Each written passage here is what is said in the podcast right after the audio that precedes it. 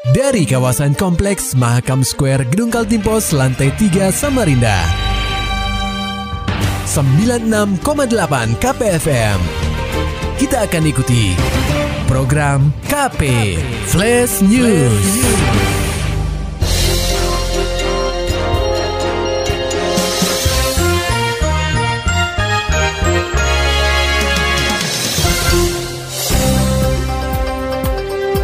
Anda sedang menyimak program KP Flash News bersama saya Agung Pratama.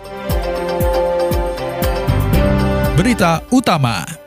Pendengar KP kapal motor atau KM Pantokrator tujuan Samarinda Parepare dilaporkan terbakar saat tengah bersandar di Pelabuhan Samarinda Rabu 26 Januari 2022 sekitar pukul 10.30 waktu Indonesia Tengah. Berdasarkan keterangan nahkoda KM Pantokrator Octavianus Woka, insiden kebakaran di dalam kapal terjadi begitu cepat karena asap tiba-tiba muncul di dalam dek 3 atau kamar VIP. Seketika juga penumpang yang sudah naik ke kapal langsung berhamburan keluar untuk menyelamatkan diri.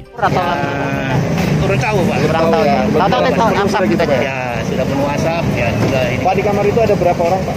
Pak kurang tahu Pak. Belum tahu ya. Untuk kapasitas di situ Pak?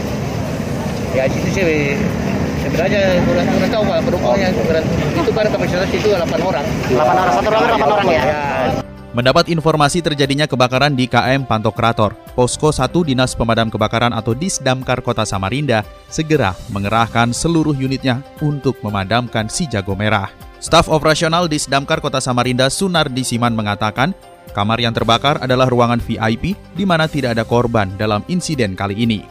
Dikarenakan ruangan kapal yang tertutup sehingga asap langsung memenuhi kabin kapal yang menyulitkan pemadam untuk menjinakkan api. Kita, karena kan kita nih nggak tahu nih akses masuknya.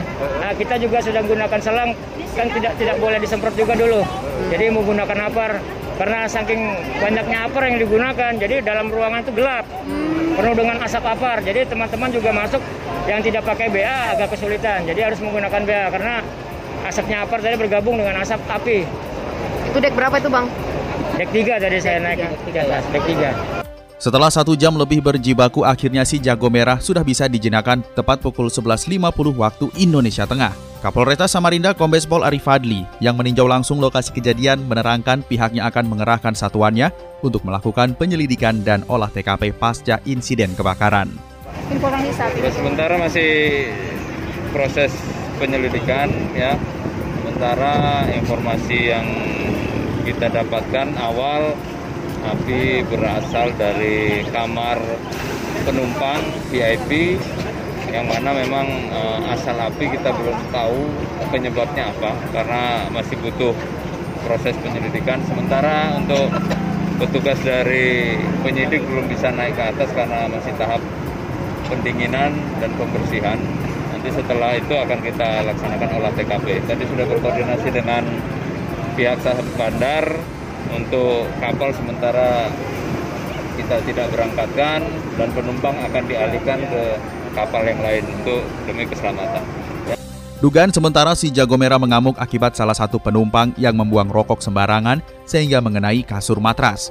Kasih Keselamatan Berlayar, Jembatan dan Patroli KSOP Samarinda Slamet Isyadi menyebutkan untuk saat ini pihaknya sedang menginventarisir berapa jumlah penumpang serta melakukan koordinasi dengan perusahaan kapal imbas musibah ini. Nah, ini kita kan belum belum belum, belum, belum final ya. Baru uh, sementara Pak pendataan sementara. Laporan awal berapa Pak yang akan berangkat? Ini 1850. Okay. Yang akan berangkat awalnya rencananya. Ini, ini kapasitas, kapasitas orangnya. Ya. Okay. Cuman yang untuk uh, penumpang yang akan naik ini kita belum tahu karena masih uh, proses uh, penjualan tiket dan uh, proses daripada uh, apa namanya pemeriksaan daripada pesawat. Okay. Akibat kejadian ini, kapal dengan kapasitas 1.850 orang penumpang tersebut gagal berangkat ke Parepare. Padahal, sesuai rencananya, kapal akan lepas tambat pada pukul 14.00 waktu Indonesia Tengah. Berita selanjutnya peringat KP hasil kekayaan alam di benua Etam lagi-lagi dijarah oleh tangan-tangan nakal.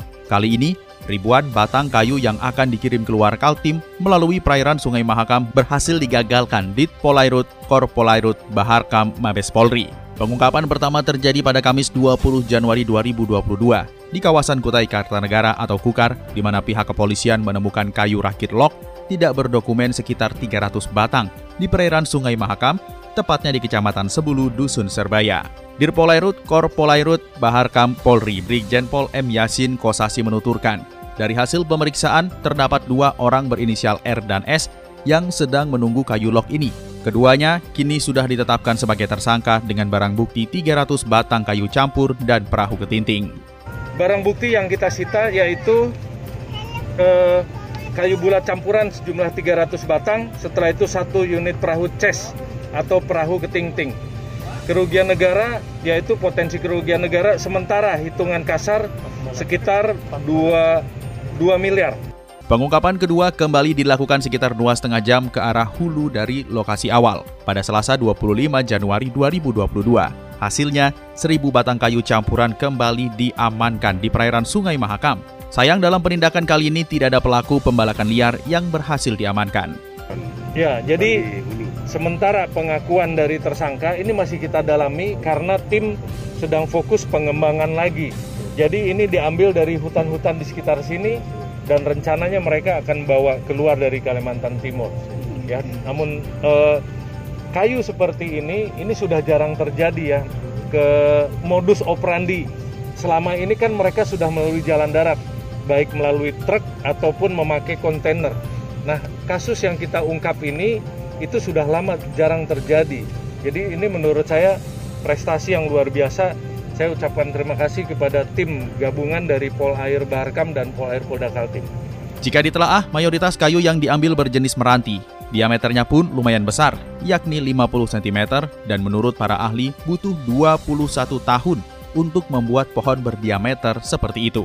Dari pengungkapan ini, total kerugian negara akibat aktivitas ilegal logging ditaksir mencapai 4,25 miliar rupiah. Atas perbuatannya, kedua tersangka diduga melanggar pasal 12 huruf E, Jungto pasal 83 ayat 1 huruf B Undang-Undang RI nomor 18 tahun 2013 tentang pencegahan dan pemberantasan perusakan hutan yang telah diubah dalam Undang-Undang RI nomor 11 tahun 2020 tentang Cipta Kerja, Jungto pasal 55 ayat 1 ke 1 KUHP. Beralih ke berita selanjutnya, pendengar KP Bareskrim Mabes Polri akan turun langsung untuk menyelidiki kasus ujaran kebencian yang dilakukan Edi Mulyadi. Laporan selengkapnya akan disampaikan reporter KPFM Samarinda, Muhammad Nur Fajar. Setelah berbagai gelombang protes dan kecaman dilakukan oleh berbagai elemen masyarakat di Kalimantan, Mabes Polri akan turun langsung melakukan penyelidikan dan penyidikan kasus ujaran kebencian yang diduga dilakukan Edi Mulyadi. Hal itu disampaikan langsung oleh Karo Penmas Divisi Humas Polri, Brigjen Ahmad Ramadan, dalam konferensi pers di Mabes Polri, Jakarta, pada Selasa 25 Januari 2022. Sebelumnya, Edi Mulyadi dalam kanal YouTube-nya menyebut lokasi pemindahan ibu kota negara atau IKN di Kalimantan sebagai tempat jin buang anak. Ucapannya itu mengundang gelombang protes dan kecaman di Kalimantan, khususnya Kalimantan Timur. Brigjen Ahmad Ramadan menyampaikan, sejauh ini sudah ada dua laporan polisi, enam pengaduan, dan enam pernyataan sikap yang masuk ke Baris Krim Mabes Polri Selain itu, Polda Kaltim juga menerima satu laporan polisi, 10 pengaduan, dan 7 pernyataan sikap.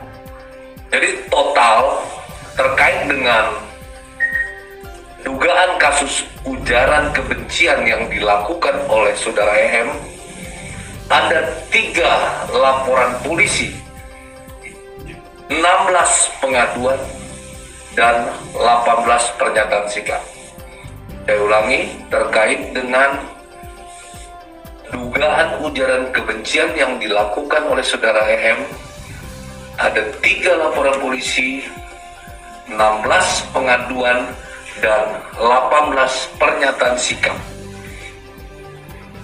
Semua laporan polisi pengaduan dan pernyataan sikap dari berbagai elemen masyarakat akan dilakukan penyelidikan dan penyidikan oleh Baris Krim Polri. Menyikapi hal itu, Ramadan melanjutkan, semua laporan polisi, pengaduan dan pernyataan sikap akan dilakukan penyelidikan dan penyidikan oleh Baris Krim Mabes Polri. Dirinya juga menghimbau kepada masyarakat agar tetap tenang dan tidak mudah terpancing. Percayakan proses penanganan kasus ini kepada Polri. KPFM Samarinda, Muhammad Nur Fajar melaporkan. Kita beralih ke dunia olahraga pendengar KP. Raih 5 medali emas, tim tinju penajam Pasir Utara dipastikan juara umum Kejurprov Tinju Junior Kaltim. Berikut laporan reporter KPFM Samarinda, Maulani Alamin. Dari berbagai kelas yang diikuti, tim tinju penajam Pasir Utara atau PPU meraih 5 medali emas dan dua perunggu dalam kejuaraan provinsi atau kejurprov tinju junior Kaltim yang terselenggara di Gor Segiri Samarinda 23 hingga 26 Januari 2022. Dengan hasil itu, petinju PPU bakal merebut juara umum dari daerah pesaingnya. Pada kompetisi ini, Pengcap Persatuan Tinju Amatir Indonesia atau Pertina PPU menurunkan 8 atlet. Pelatih tinju PPU, Wasis Adiwibowo, menyebutkan raihan 5 medali emas ini melampaui target yang telah dipatok pihaknya. Mencapai target lah, artinya target kami memang ada empat emas yang kami targetkan, tapi melampaui batas.